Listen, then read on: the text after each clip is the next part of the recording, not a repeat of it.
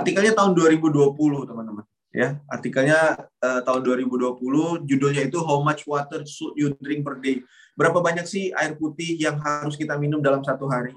Ya dari judulnya aja udah lumayan relate dengan apa yang sering kita tanyakan gitu kan. Kalau misalnya gitu kalau saya minum air putih 3 liter nggak terlalu banyak. Lah kalau misalnya uh, apa lagi olahraga terus udah 3 liter kan nggak mungkin nggak minum lagi teman-teman misalnya teman-teman bilang kata katanya kalau air putih sehari itu 2 liter aja atau 8 gelas. Nah, kalau teman-teman lagi olahraga, terus teman-teman udah selesai 8 liter, masa teman-teman habis olahraga nggak minum lagi? Atau teman-teman berada dalam daerah uh, yang sangat panas, cuacanya, masa teman-teman nggak boleh minum gitu kan? Nah, jadi hari ini kita akan bahas how much water should you drink per day. Tahun 2020 teman-teman, faktanya adalah your body is about 60%, ada yang bilang 60%, ada yang bilang 70%, ada yang bilang 80%. Tapi intinya adalah tubuh kita itu sebagian besar diisi oleh air, ya. Air, teman-teman. Fluid, cairan, ya. E, bahkan kalau teman-teman darah itu kalau teman-teman e, dipisahkan, teman-teman bisa bedakan darah itu ada yang bagian plasma, bagian cair sama bagian padat, ya. Jadi memang 60 sampai 70% tuh isi tubuh kita tuh air, cairan. Jadi kalau kekurangan cairan sudah pasti efeknya berakibat fatal buat keberlangsungan metabolisme tubuh kita atau keberlangsungan sistem koordinasi segala macam yang ada di tubuh kita ya.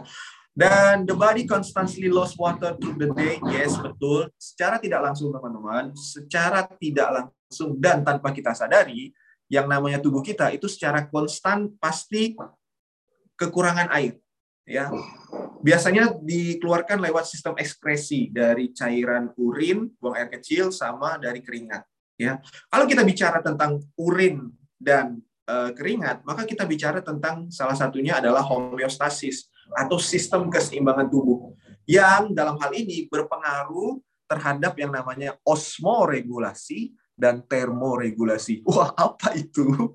Kalau osmoregulasi adalah pengaturan cairan, teman-teman, di tubuh kita. Kalau termoregulasi adalah pengaturan suhu di tubuh kita.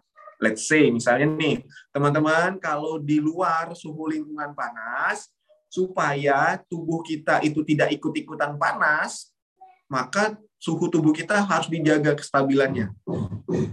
Maka dari itu ketika kita panas, yang dikeluarkan tuh cairannya keringat.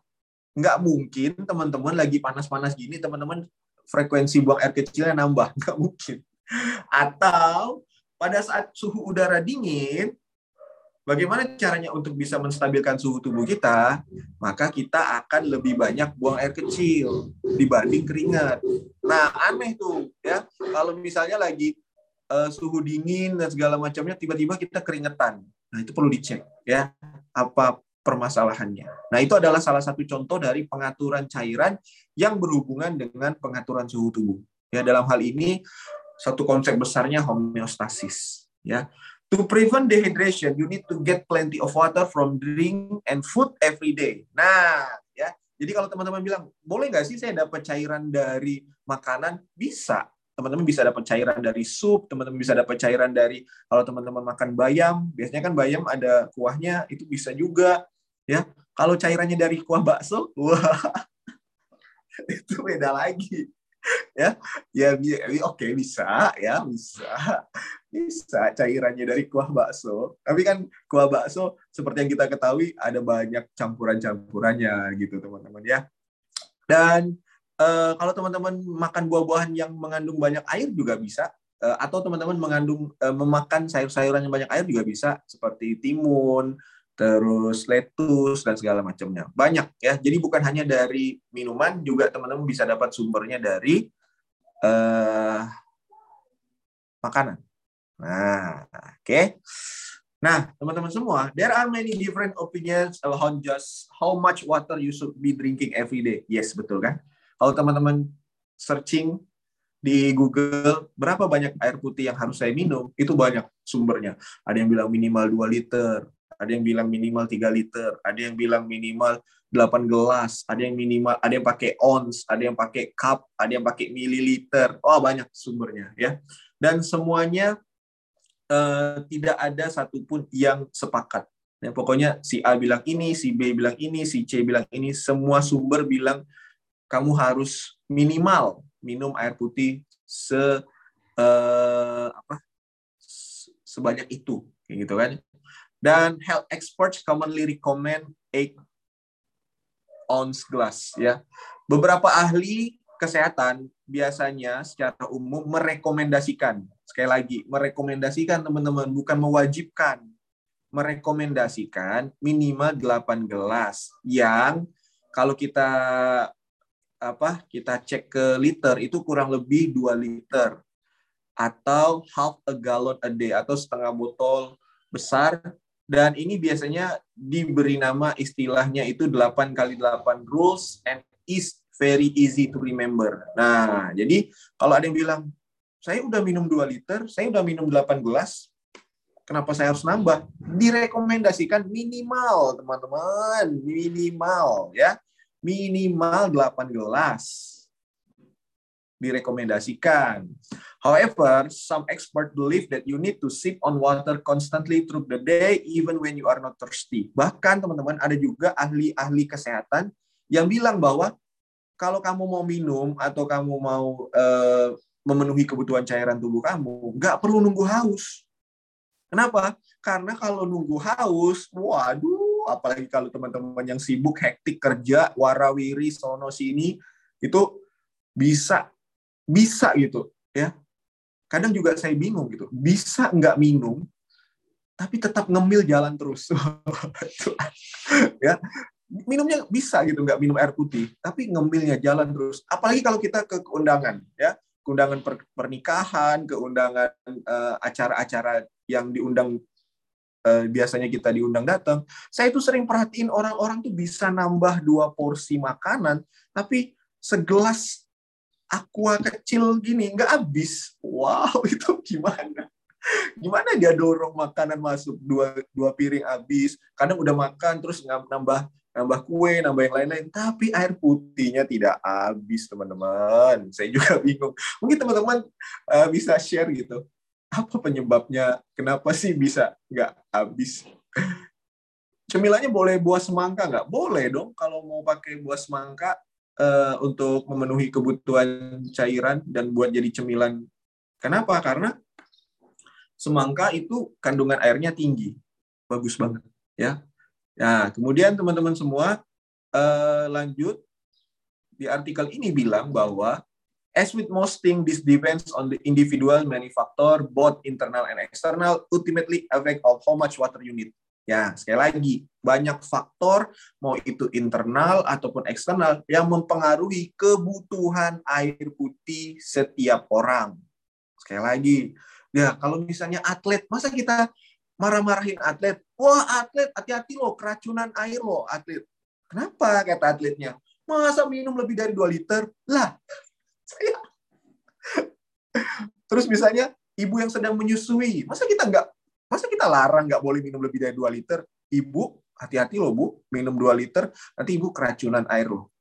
Nah saya lagi menyusui. Nggak bisa. Pokoknya minimal eh, pokoknya ibu harus minum cuma 2 liter doang. Kan nggak mungkin teman-teman ya. Jadi ada banyak faktor yang mempengaruhi dan boleh aja kita minum air putih itu lebih dari 2 liter. Yang jadi permasalahan atau yang jadi problem kita adalah kita melihat 2 liter itu untuk sekali minum. Hmm, ya. Mabok guys kalau sekali minum 2 liter. 2 liter itu seharian ya teman-teman, seharian. Artinya dari teman-teman bangun tidur sampai teman-teman sebelum tidur tuh 2 liter minimal direkomendasikan. Bukan sekali minum 2 liter. Nah itu saya juga nggak bisa kalau sekali minum 2 liter. Saya biasanya teman-teman bangun pagi nih, bangun pagi jam 5 atau jam 6 itu 250 mili. Nanti jam setengah 6 atau jam 6 250 mili. Nanti setengah 7 250 mili. Terus jam setengah 8 500 mili. Dalam satu jam itu saya menghabiskan waktu eh, menghabiskan air putih itu kurang lebih 500 mili. Teman-teman bayangin, 60 menit itu 500 mili. Ya tinggal dibagi aja per per 5 menit atau per 10 menit teman-teman minumnya cuma berapa mili ya. Kita ngelihat 2 liter itu kenapa? Karena kita bilang bahwa oh 2 liter ini sekali minum ya banyak, memang banyak. Tapi kalau 2 liter untuk seharian itu dikit banget. Belum lagi kalau aktivitas harian teman-teman yang sangat-sangat super duper sibuk ya. Apalagi uh, moms-moms rumah tangga, wah, respect. Pagi bangun, ngurus anak, nyiapin sarapan, suami, cuci piring, baju, nyetrika. Wah, itu kalau dehidrasi ribet, guys. Jadi tetap harus water intake-nya, memenuhi kebutuhan cairan tubuhnya penting banget ya. Dan nah, sekarang kita masuk. Sebenarnya how much water do you need? Sebenarnya berapa sih air putih yang kita perlukan, tubuh kita perlukan? Jadi teman-teman, how much water do you need depends uh, on a lot of things. Banyak faktor ya. Dan tiap orang beda-beda. Tiap orang beda-beda sebagai contoh untuk orang dewasa, the general recommendation from the US National Academy of Science, Engineering and Medicine. Nah, ini rekomendasi dari uh, uh, National Academy of Science, Engineering and Medicine untuk Amerika itu bilang bahwa untuk wanita minimal 2,7 liter sehari 2,7 liter sehari untuk wanita. Untuk pria itu 3,7 liter orang dewasa teman-teman ya disarankan. This include fluid of water, beverage like tea and juice, and from food you get an average of 20% of your water from the foods you eat. Boleh juga teman-teman memenuhi kebutuhan air itu dari makan makanan yang mengandung banyak air, seperti yang tadi saya bilang di awal, ya boleh sayur-sayuran atau buah-buahan. Dan teman-teman harus paham, sama-sama kita paham bahwa berapa banyak air putih yang kita butuhkan itu tergantung dari faktor-faktor eksternal dan internal. Yang pertama adalah where you live, ya. You will need more water in hot, humid or dry area, ya. Teman-teman yang tinggal di daerah yang kering, teman-teman tinggal di daerah yang lembab, teman-teman yang tinggal di daerah dengan cuaca yang panas dan segala macamnya, itu pasti butuh banyak banyak air dibanding kita-kita yang misalnya tinggal di daerah yang sejuk atau tinggal di daerah yang sedang uh, lagi hujan dan segala macamnya ya. Dan you will also need more water if you live in the mountains or at a high altitude. Apalagi kalau teman-teman yang tinggal di daerah gunung atau di dataran tinggi itu biasanya lebih butuh banyak air dibanding kita kita nih yang misalnya tinggalnya di uh, dataran rendah atau yang di cuaca-cuaca yang nggak terlalu dingin, eh nggak terlalu panas dan segala macamnya. Ya, yang terus yang kedua itu faktor yang pertama adalah tinggal di mana, yang kedua adalah pola makan atau diet kita. Ya, if you drink a lot of coffee and other caffeinated beverage, you might lose more water through extra urination. Kalau teman-teman pola makannya itu suka banget dengan minum kopi, biasanya itu eh, lebih banyak mengeluarkan buang air kecil maka dari itu butuh banyak asupan air putih seharian, ya. Atau you will likely also need to drink more water if your diet is high in salty, spicy, or sugary food. Kalau teman-teman pola makannya itu terlalu banyak makan makanan yang gak banyak tinggi garam, kemudian yang pedas atau yang makan makanan manis, maka teman-teman perlu pertimbangkan untuk menambah asupan air putih harian teman-teman, ya. Berikutnya, uh, more water is necessary if you don't eat a lot of hydrating foods that are high in water like fresh or cooked fruits and vegetable.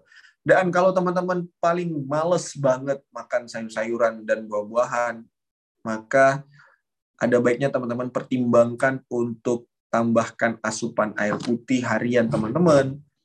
Karena itu tadi, teman-teman udahlah nggak suka sayur, nggak suka makan buah, airnya dari mana?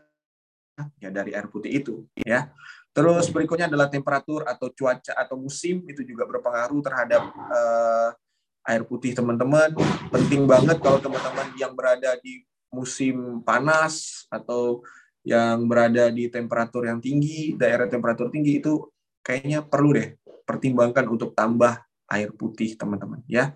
Terus your environment, lingkungan teman-teman. If you spend more time outdoor in the sun or hot hot temperatures or in the heated room, you might feel thirstier faster. Ya, apalagi kalau teman-teman yang pekerja lapangan. Ini pasti sering survei dan segala macamnya itu tambah air putih guys supaya nggak dehidrasi. Berikutnya faktor berikutnya adalah how active you are ya.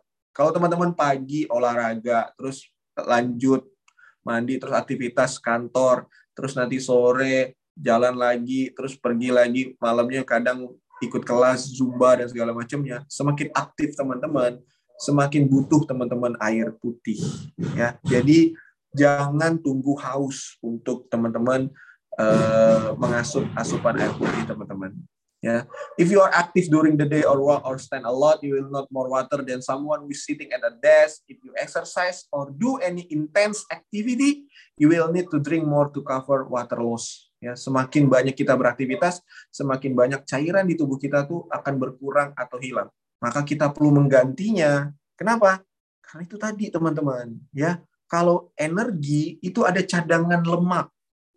Kalau air ini nggak ada nih nggak ada makanan minuman yang yang apa yang masuk ke tubuh kita terus dikonversi terus disimpan. Kita nggak nggak kita bukan seperti unta yang bisa minum banyak terus nyimpan.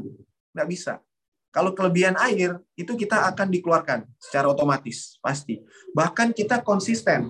Bernapas hasil pernapasan itu adalah CO2 dan H2O ya. Jadi secara tidak langsung kita konsisten mengeluarkan dan kehilangan air dalam tubuh kita maka dari itu kita butuh asupan air. Jangan tunggu haus, teman-teman. Jangan tunggu haus untuk minum. Jangan tunggu haus.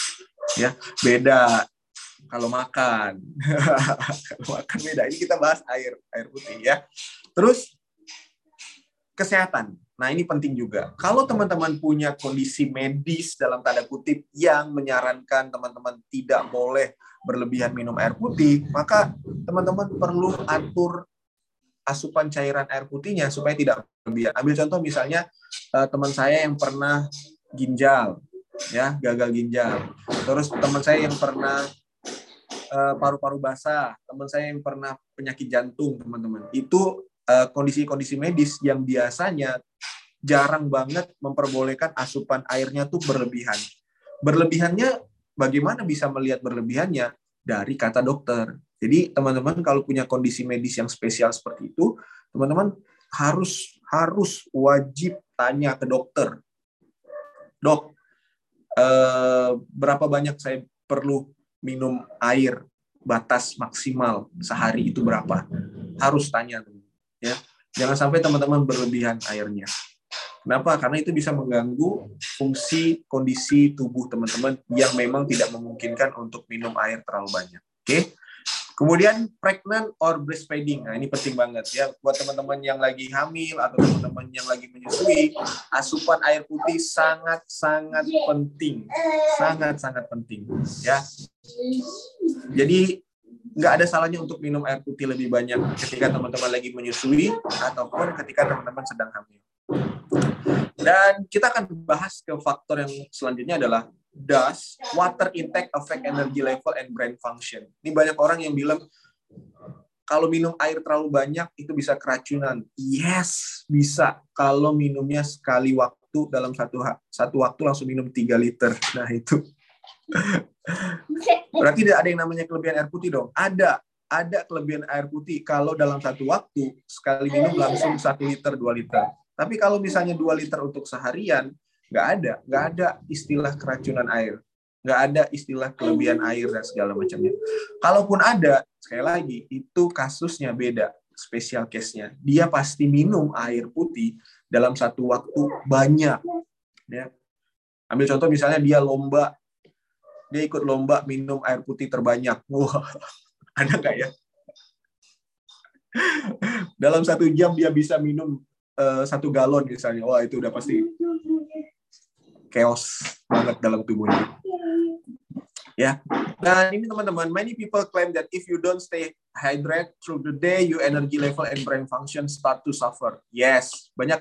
Kan ada iklannya juga kan. Kalau misalnya kita lagi nggak fokus, kita lagi lemes, terlihat nggak fresh, biasanya karena kita kurang air putih atau mengalami yang namanya dehidrasi. Dan teman-teman, faktanya adalah banyak sekali penelitian yang mendukung pernyataan ini. Ya, one study in women show that a fluid loss ada satu penelitian teman-teman pada seorang wanita itu yang kehilangan 1,36 persen airnya aja itu mempengaruhi mood dan konsentrasi bahkan berpotensi untuk meningkatkan frekuensi teman-teman sakit kepala. Nah, ya jadi kalau teman-teman sakit kepala bisa jadi banyak faktornya. Salah satunya adalah teman-teman kurang minum air putih. Ya, kurang minum air putih. Nah, jadi bahkan teman-teman penelitian lain di Cina yang um, memperlihatkan 12 orang itu uh, ditemukan bahwa death not drinking water for 36 hour had noticeable effect on fatigue, attention and focus, reaction speed and short term memory. Jadi orang-orang di Cina waktu itu teman-teman diteliti ya uh, selama 36 jam itu air putihnya kurang, ternyata mereka akan mengalami yang namanya kelelahan, uh, terus perhatian dan fokus mereka berkurang, dan short term memory. Nah, ini ini nih ya kita banget gitu kan. Masuk kamar. Tadi ke kamar mau ngapain ya? Keluar kamar. Iya ampun. Mau ngambil potong kuku. Kan kita sering gitu kan. Atau misalnya kita lagi kerja. Tadi tadi disuruh apa ya sama bos ya? Apa ya?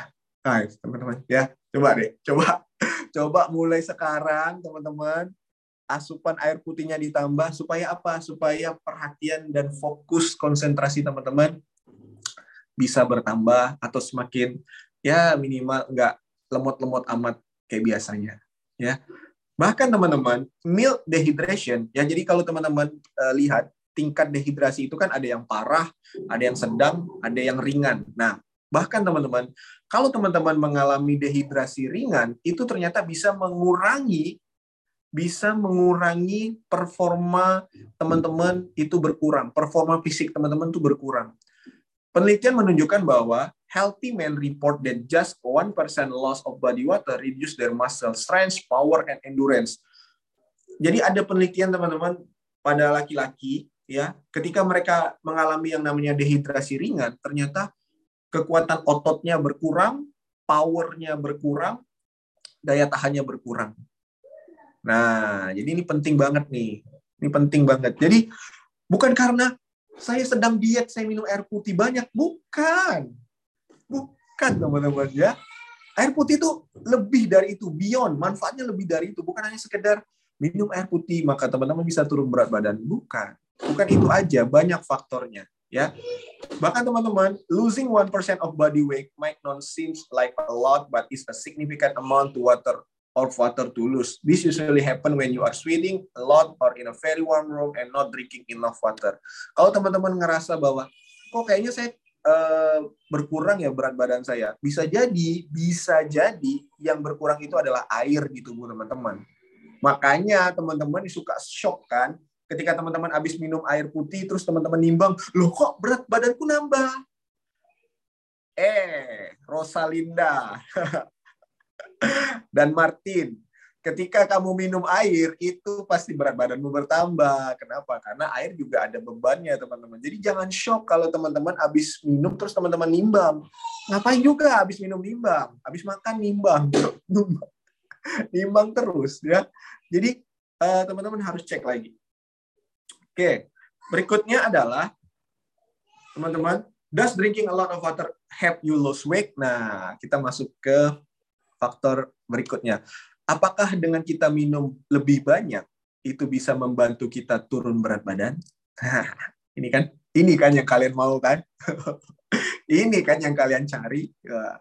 There are many claim that drinking more water may reduce body weight by increasing your metabolism and curbing appetite. Ya, ada banyak faktor, ada banyak penelitian yang bilang kalau kita minum air dalam jumlah yang banyak, sekali lagi dalam jumlah yang banyak itu bukan sekali minum, teman-teman. Seharian, ya, dalam jumlah yang banyak itu ternyata bisa meningkatkan metabolisme tubuh kita dan mengurangi appetite, keinginan untuk uh, makan, ya lebih banyak makan. According to a study, drinking more water than usual correlate to a decrease in body weight and body composition score. Ada penelitian yang menunjukkan bahwa kalau teman-teman minum banyak lebih banyak air putih dalam seharian, itu ternyata bisa mengurangi berat badan dan memperbaiki komposisi tubuh teman-teman. Seperti yang kita ketahui, komposisi tubuh kan ada otot, air, lemak. Ya.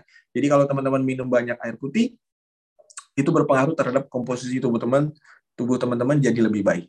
Oke.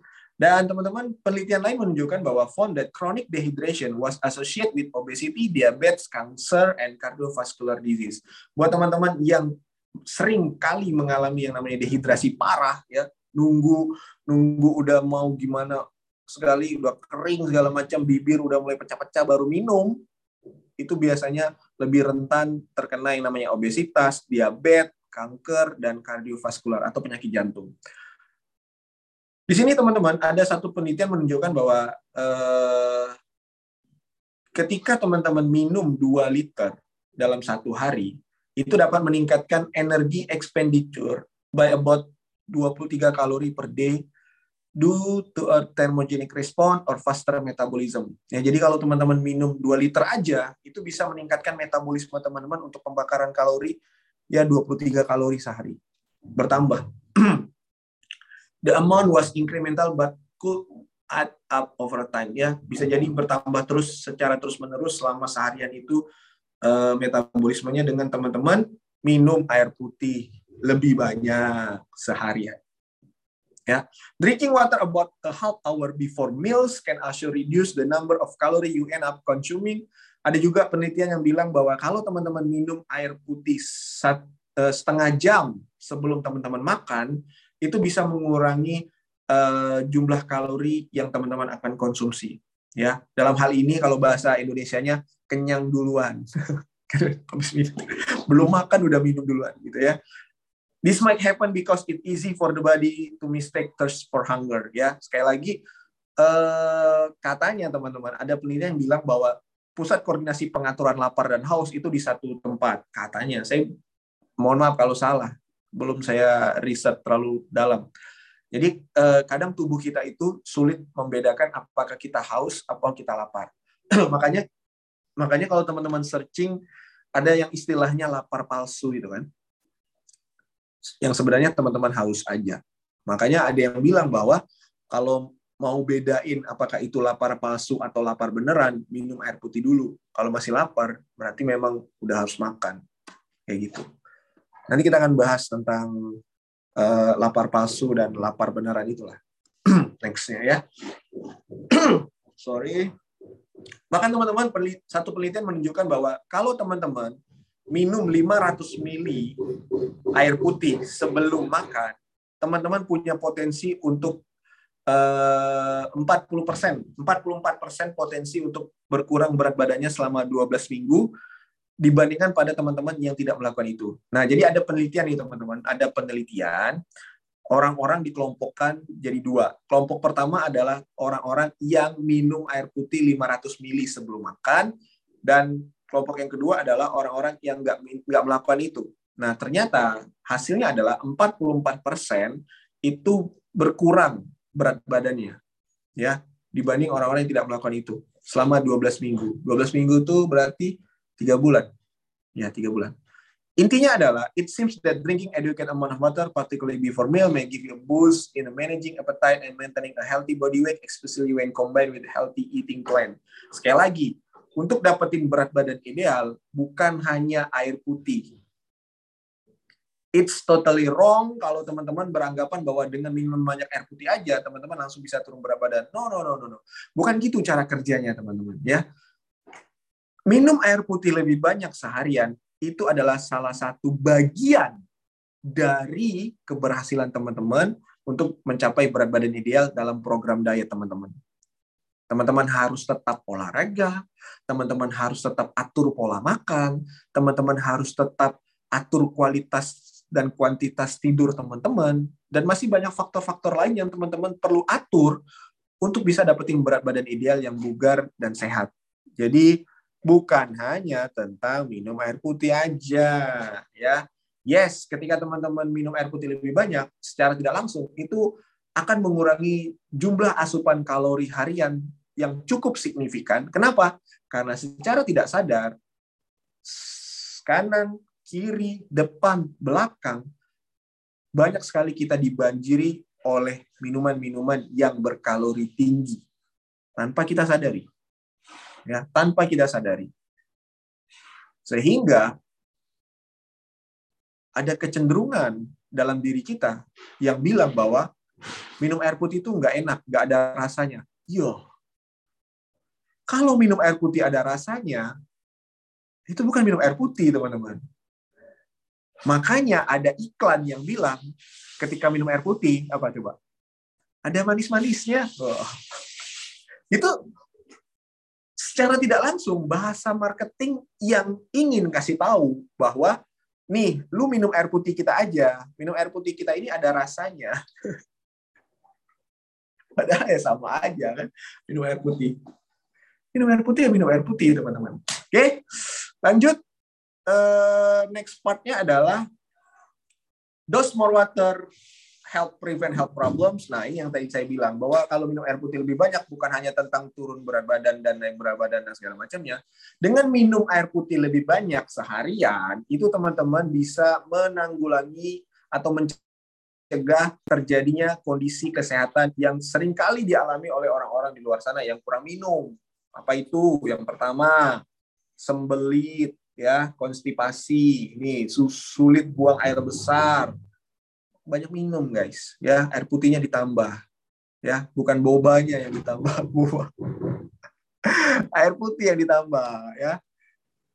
Air putihnya ditambah. Kemudian yang kedua apa? Urinary tract infection. Kalau teman-teman mengalami uh, apa? Uh, apa ya? Infeksi saluran kemih nah itu juga bisa ditanggulangi dengan uh, mencegahnya. Bukan pas lagi infeksi langsung teman-teman minum air putih. Lebih banyak enggak dengan minum air putih lebih banyak, teman-teman bisa mencegah terjadinya infeksi saluran kemih, teman-teman ya. Terus batu ginjal, bukan pas lagi kena batu ginjal teman-teman minum air putih lebih banyak, bukan. Sebelum terjadi amit-amit ya, amit-amit sebelum terjadinya batu ginjal ya, penyakit batu ginjal di tubuh kita, ya sekarang nih mulai sekarang teman-teman minum air putih lebih banyak ya. Dan yang paling penting apa? Yang paling penting kesegaran dan kekenyalan kulit ya. Glowing glowing. Yes memang betul. Ada yang namanya outer. Tapi dari dalam tubuh juga penting teman-teman. Salah satunya caranya apa? Penuhi kebutuhan cairan teman-teman ya. Supaya apa?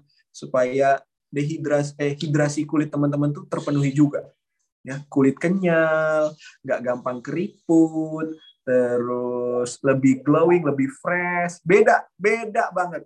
Trust me guys. Orang yang lebih banyak minum air putih seharian dengan orang yang jarang minum air putih, beda banget penampilannya. Beda banget penampilannya. Beda lah pokoknya. Agak-agak gimana gitu. Agak-agak fresh-fresh, fresh-fresh, glowing-glowing, gimana gitu. ya. Nah, selanjutnya Do other fluids count toward your total? Nah, ini kan pertanyaan kita juga. Berarti apakah uh, asupan cairan dari makanan atau minuman lain itu juga bisa dihitung sebagai asupan cairan untuk tubuh kita? Bisa iya, bisa tidak. Ini masih pro kontra, teman-teman. Ya, masih pro kontra. Saya bacakan aja. Ada yang bilang berkontribusi, ada juga yang bilang enggak. Ya, ada yang saklet air putih aja, ada yang bilang enggak kok selain air putih juga bisa. Nah, jadi intinya sekarang adalah kita nggak perlu meributkan pro kontra itu.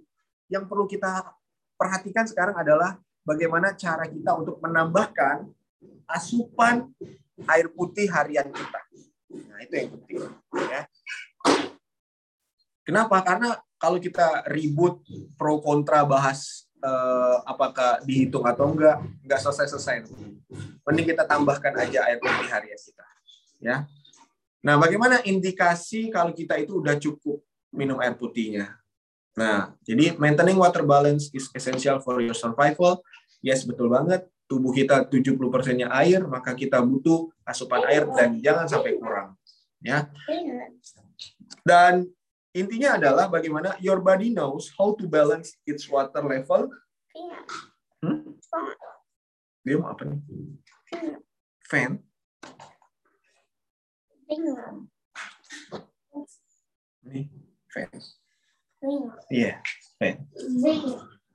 Your body knows how to balance its water level and when to signal you to drink more. Nah, nih teman-teman, ya. Tubuh kita itu sama kayak lapar. Lapar juga akan ngasih sinyal, eh lapar. Haus pun itu juga akan sering aja kasih sinyal, kasih signal ke kita, eh saya haus, kata tubuh. Tapi kadang kita ini kan fokusnya enggak ke situ. Sehingga tanpa kita sadari, sinyal untuk kita minum itu kadang kita anggap bahwa enggak terlalu penting. Ya. Dan while there's may be a reliable indicator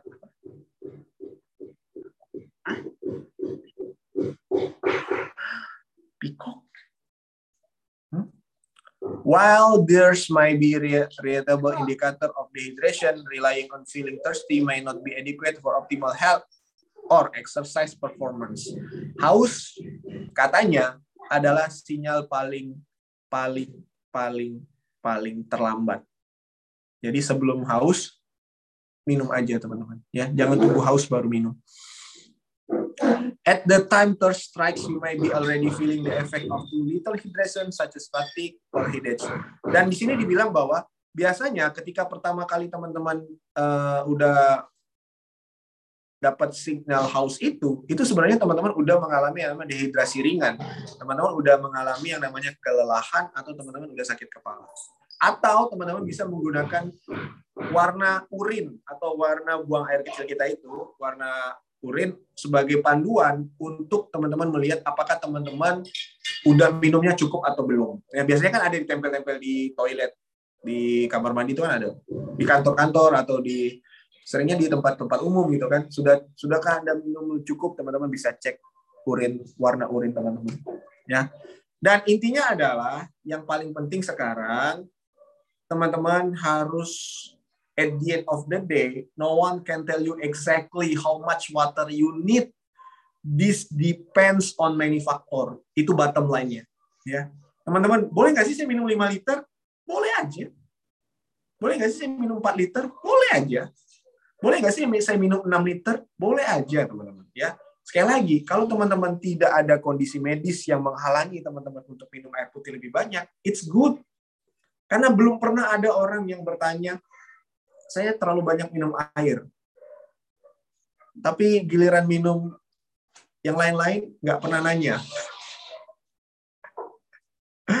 minum air manis, minum uh, boba, minum yang lain-lain, nggak diurusin. Giliran minum air putih, heboh. penelitian untuk kanker yang ada relate-nya dengan gorengan itu udah banyak teman-teman. Tapi kita seakan-akan menutup mata atau kita seakan-akan nggak peduli. Tapi giliran kita minum air putih lebih banyak heboh gitu. Apaan sih minum air putih banyak banget? Nanti keracunan. Hmm, Anda makan gorengan setiap hari biasa aja. Anda tidak pernah bilang Anda keracunan gorengan. Wah, Ah, makanya sekarang nih kita nih, jadi kalau kita mau firm dan memang benar-benar bahas kesehatan air putih, maka kita juga harus membahas semuanya, bukan hanya air putih aja, pola makan, olahraga dan segala macamnya. Jadi teman-teman, seperti yang kita bilang, kita harus pintar sama-sama dan langsingnya sama-sama, ya. Jadi ini teman-teman ya, uh, paling penting untuk hari ini. If you want to keep things simple, these guidelines should apply to the majority of people. Drink often enough. Minum air putih, teman-teman. Minum air putih lebih banyak. Minimal rekomendasi pemerintah itu 2 liter. Lebih dari itu boleh. boleh banget kecuali teman-teman dalam kondisi medis yang memungkinkan dan membatasi teman-teman untuk asupan air putih terus jangan tunggu haus baru minum terus kalau lagi cuaca panas dan segala macamnya minum aja nggak apa-apa ya intinya adalah minum lebih banyak nah teman-teman boleh boleh pakai botol boleh sediakan botol di dekat teman-teman atau teman-teman bisa pasang alarm atau teman-teman bisa pasang aplikasi pengingat reminder buat teman-teman minum air putih lebih banyak. Kalau saya biasanya bagi waktunya dalam satu jam itu satu liter teman-teman. Berarti satu jam satu liter. Satu liter itu kan seribu mili. Nah, berarti kalau satu jam itu kan 60 menit. Ya bagi aja, berarti setiap lima menit saya minum kurang lebih 10 mili doang. 10 sampai 15 mili saya minum. Maka dalam satu jam itu udah dapat satu liter. Tapi itu terlalu banyak buat saya. It's okay, no problem. Yang penting teman-teman belajar dulu pelan-pelan menambahkan, meningkatkan asupan air putihnya. Air putih kan nggak basi, guys. Jadi nggak harus habis kalau misalnya nanti mubazir kalau saya beli botol 2 liter saya nggak habis minumnya. mubazir, air putih kan nggak apa-apa kalau nggak habis. Besoknya bisa minum lagi kayak gitu. Jadi pelan-pelan kita berproses, pelan-pelan kita jadi terbiasa untuk bisa menambahkan asupan air putih harian ke dalam kebiasaan tubuh kita.